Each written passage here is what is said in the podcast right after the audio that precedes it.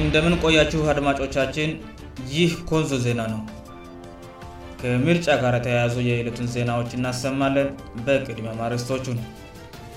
ኢትዮጵያን አሸናፊ ያደረገ ምርጫ ተካሄደ በኮንዞ ዞን ምርጫ በሰላም ተጠናቆ ውጥቶችም ይፋ መሆን መጀመራቸው ተገለጸ በማህይበራዊ ሚዲያዎች የምርጫ ውጠትን አስቀድሞ የሚያሳውቁ ሰዎች ከልግታቸው እንዲቆጠቡ የኢትዮጵያ ብሔራዊ ምርጫ ቦርድ አሳስበ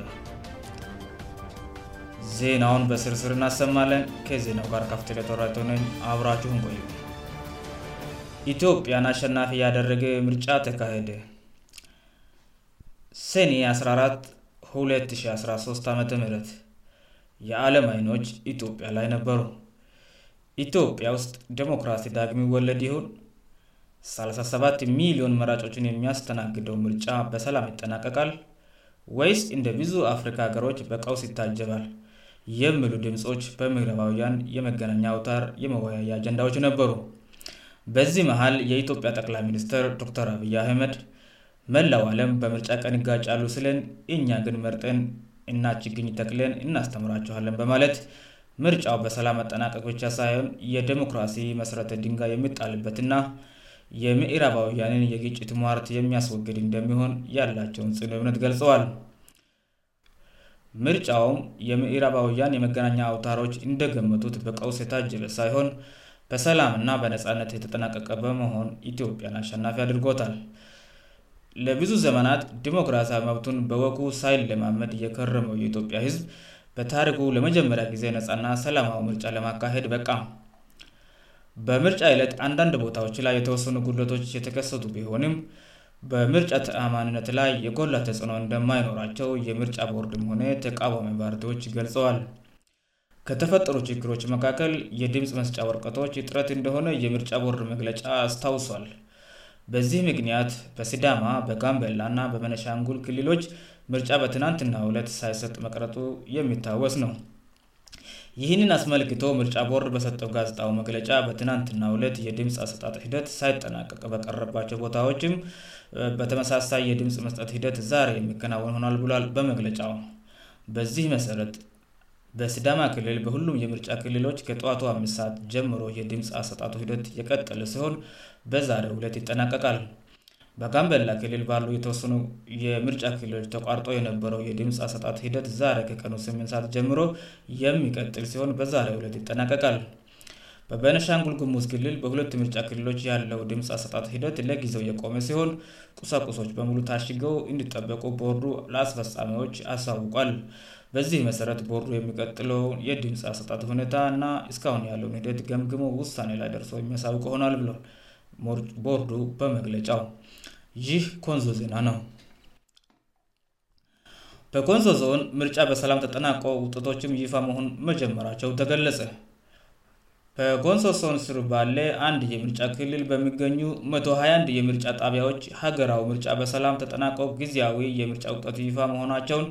የዞኑ ምርጫ ቦርድ ጽህፈት ቤት አስታውቋል የጽህፈት ቤቱ ኃላፊ አቶ ዮሐንስ ኩዮላ እንዳሉት ሰላማዊ ፍትሀውና ሰፊ የህዝብ ተሳትፎ ትብብር የተረጋገጠበት የድምፅ አሰጣት ሂደት ሆኖ ተጠናቋል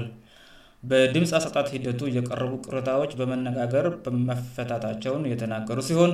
ለምርጫው ሰላማውነት እየደርሻቸውን ለተወጡ ፓርቲዎች ና የኮንዞ ዞን መራጮች ማመስገናቸውን ከደቡብ ክልል መንግስት ኮሚኒኬሽን ጉዳዮች ቢሮ ያገኙን መረጃ ያመለክታል የዞኑ ዋና አስተዳዳሪ አቶ ዳውት ገበዮው በበኩሏቸው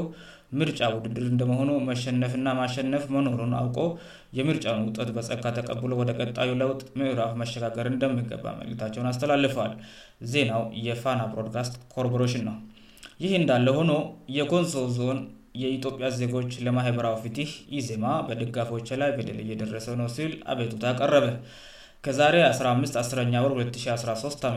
የብልጽግና ደጋፊዎች በአንዳንድ ቦታዎች ላይ የኢዜማ አባላትን እያስፈራረው በጠመንጃ ጭምር ይቤታቸው ድረስ እየሄዱ ጥይት እየተቆሱ ናቸው ሲል ለኢዜማ ብሄራዊ ጽህፈት ቤት ባቀረበው አበቶታ ደብዳቤ ገልጿል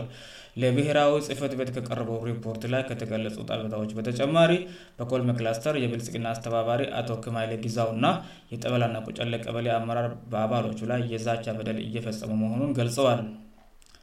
ይህ ኮንዞ ዜና ነው በማህበራዊ ሚዲያዎች የሚርጫ ውጠትን አስቀድሞ የሚያሳውቁ ሰዎች ከድርጊታቸው እንዲቆጠቡ የኢትዮጵያ ብሄራዊ ምርጫ ቦርድ አሳስበ ቦርዱ ዛሬ በሰጠው መግለጫ በአሁኑ ሰአት በርካታ ሰዎች ከተለያዩ የምርጫ ጣቢያዎች የሚያገኟቸውን ውጠቶች እየለጠፉ ኢገል አሸነፈ ገል ያልተሸነፈ እያሉው በማህበራዊ ድረገጽዎች እየለጠፉ ናቸው ብለል የቦርዱ ኮሚኒኬሽን አማካሪ ሶሊያና ሲመልስ ሆኖም ግን የምርጫ ውጠት ማሳወቅ ስልጣኑ የምርጫ ቦርድ ብቻ በመሆኑ ከምርጫ ቦርድ ውጭ በእንደዚህ አይነት ድርጊቶች ላይ የሚሳጠፍ በህግ እንደሚያስጠይቃቸው አብራርተዋል ሲደስተኛው አጠቃላይ አገራው ምርጫ ውጠትም ከአምት እስኪ 10 ቀን ይፋ እንደሚሆን በመግለጽ በልዩ ሁኔታ ምክንያት አጠቃላይ የምርጫ ውጠት እስኪ 20 ቀን ሊቆይ እንደምችል ጠቁመዋል ይህ ኮንዞ ዜና ነው የዕለቱን ዜናዎች ከማብቃታችን በፊት አሬስቶችን እናስታውሳለን ኢትዮጵያን አሸናፊ ያደረገ ምርጫ ተካሄደ በኮንዞ ዞን ምርጫ በሰላም ተጠናቀ ውጥቶችም ይፋ መሆናቸው ተገለጸ በማህበራዊ ሚዲያዎች የምርጫ ውጥት አስቀድሞ የሚያሳብቁ ሰዎች ከድርጊታቸው እንዲቆጠቡ የኢትዮጵያ ብሔራዊ ምርጫ ቦርድ አሳሰበ እስካሁን ከኛ ጋር ስለቆያችሁ እናመሰግናለን መልካም ምሽት